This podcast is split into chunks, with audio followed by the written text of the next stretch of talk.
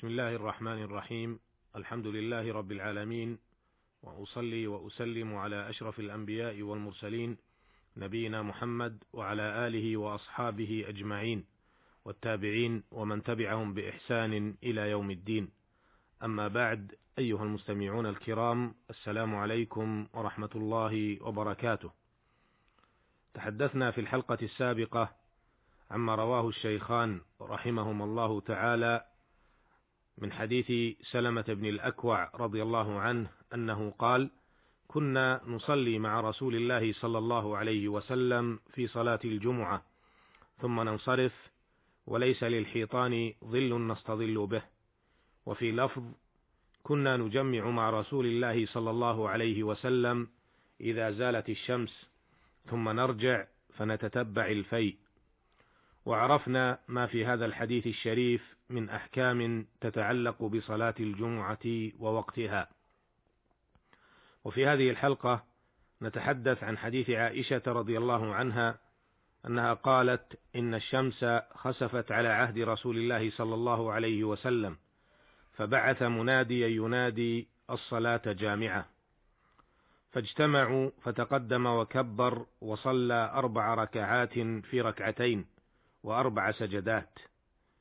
وكذا ما رواه أبو مسعود عقبة ابن عامر الأنصاري رضي الله عنه أنه قال قال رسول الله صلى الله عليه وسلم إن الشمس والقمر آيتان من آيات الله يخوف الله بهما عباده وإنهما لا ينكسفان لموت أحد ولا لحياته فإذا رأيتم منهما شيئا فصلوا وادعوا, وادعوا حتى ينكشف ما بكم. هذان حديثان عظيمان يبحثان في أحكام وحكم صلاة الكسوف. نعرض ما فيهما من الفوائد والأحكام في الوقفات الآتية. الوقفة الأولى. جاء في حديث عائشة رضي الله عنها إن الشمس خسفت وخسفت فيها لغتان فتح الخاء والسين وضم الخاء وكسر السين. والخسوف والكسوف اسمان لمعنى واحد فالخسوف يطلق على ذهاب ضوء القمر أو بعضه والكسوف يطلق على ذهاب ضوء الشمس أو بعضه هذا في الغالب والفصيح ويمكن إطلاق أحدهما على الآخر إذا أفردا. وقال أيضا الصلاة جامعة هذا هو النداء لصلاة الكسوف على نصب الصلاة على الإغراء ونصب جامعة على الحالية. الوقفة الثانية. دل الحديثان على وجود الخسوف على عهد رسول الله صلى الله عليه وسلم، وهما أعني الخسوف والكسوف آيتان من آيات الله تعالى الكونية التي إذا أراد الله تعالى وقوعها وقعت لأسباب ظاهرة محسوسة. ولأسباب معنوية ولحكم وأسرار أرشد اليها الرسول صلى الله عليه وسلم. فمن هذه الأسباب الحسية ما يعرفه أهل الفلك من وقوع بعض التغيرات في هذا الكون فيحدث اختفاء ضوء الشمس أو بعضه أو ضوء القمر أو بعضه. وربما تدرك هذه الأمور قبل وقوعها بزمن. فالله سبحانه وتعالى خلق هذه المخلوقات العظيمة وجعل من حكمتها حدوث بعض التغيرات عند حصول أسباب معينة.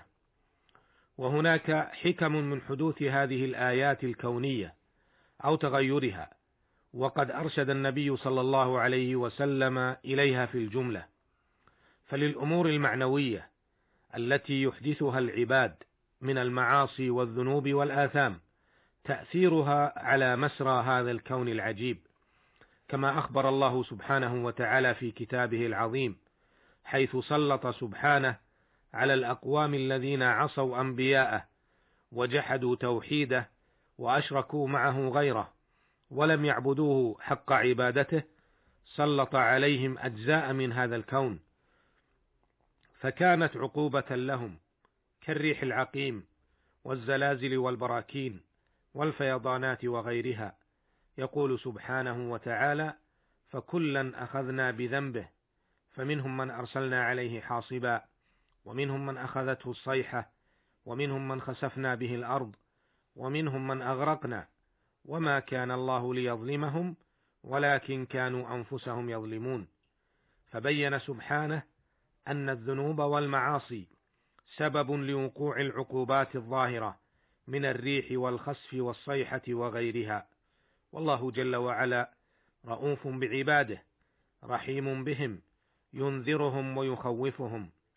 ومما ينذر به ويخوف الآيات الكونية فيقع الخسوف والكسوف ليرجعوا إلى ربهم عز وجل وليتعظوا ويعتبروا ويحاسبوا أنفسهم وينظروا في أعمالهم. وفي علاقاتهم مع ربهم جل وعلا وألا ينساقوا وراء أمور الدنيا فيقعوا في الغفلة وحينئذ يتعرضون لعقاب الله تعالى ولذلك وجه الرسول صلى الله عليه وسلم عند حدوث هذه الآيات الكونية إلى الفزع إلى الصلاة والدعاء والاستغفار حتى ينكشف ما حدث وتعود هذه الآيات إلى وضعها الطبيعي. الوقفة الثالثة. نفى رسول الله صلى الله عليه وسلم في حديث أبي مسعود الأنصاري رضي الله عنه أن يكون كسوف الشمس والقمر لموت أحد ولا لحياته أيا كان هذا الحي أو الميت وإنما هما آيتان من آيات الله تعالى يخوف الله بهما عباده ويذكرهم فيرجع إليه ويستغفروا ويتوبوا مما وقعوا فيه من الذنوب والمعاصي. الوقفة الرابعة إن تعقيب الرسول صلى الله عليه وسلم على من ظن أن الكسوف والخسوف يقعان بسبب, بسبب موت أحد من الناس أو حياته، وأنه آية من آيات الله يخوف الله بهما عباده، كل هذا لا يتعارض مع كون الكسوف يعلم بالحساب ونحوه، إذ أن من حكمة الله تعالى في هذه الآيات الكونية أن جعل لها أسبابا تحدث بوجود أسبابها، وفي حال حدوثها يكون فيها موعظة ويكون فيها موعظة وعبرة لمن كان له قلب أو ألقى السمع وهو شهيد. الوقفة الخامسة دل الحديثان دلالة صريحة على أنه إذا حدث تغير للشمس أو القمر بخفاء ضوئهما أو بعضه على أنه ينبغي للمسلمين أن يجتمعوا للصلاة والدعاء والتوبة والاستغفار والإنابة حتى ينكشف ما بهم. الوقفة السادسة دل حديث عائشة رضي الله عنها على كيفية صلاة الكسوف، وهذه نفصلها في الحلقة القادمة إن شاء الله تعالى.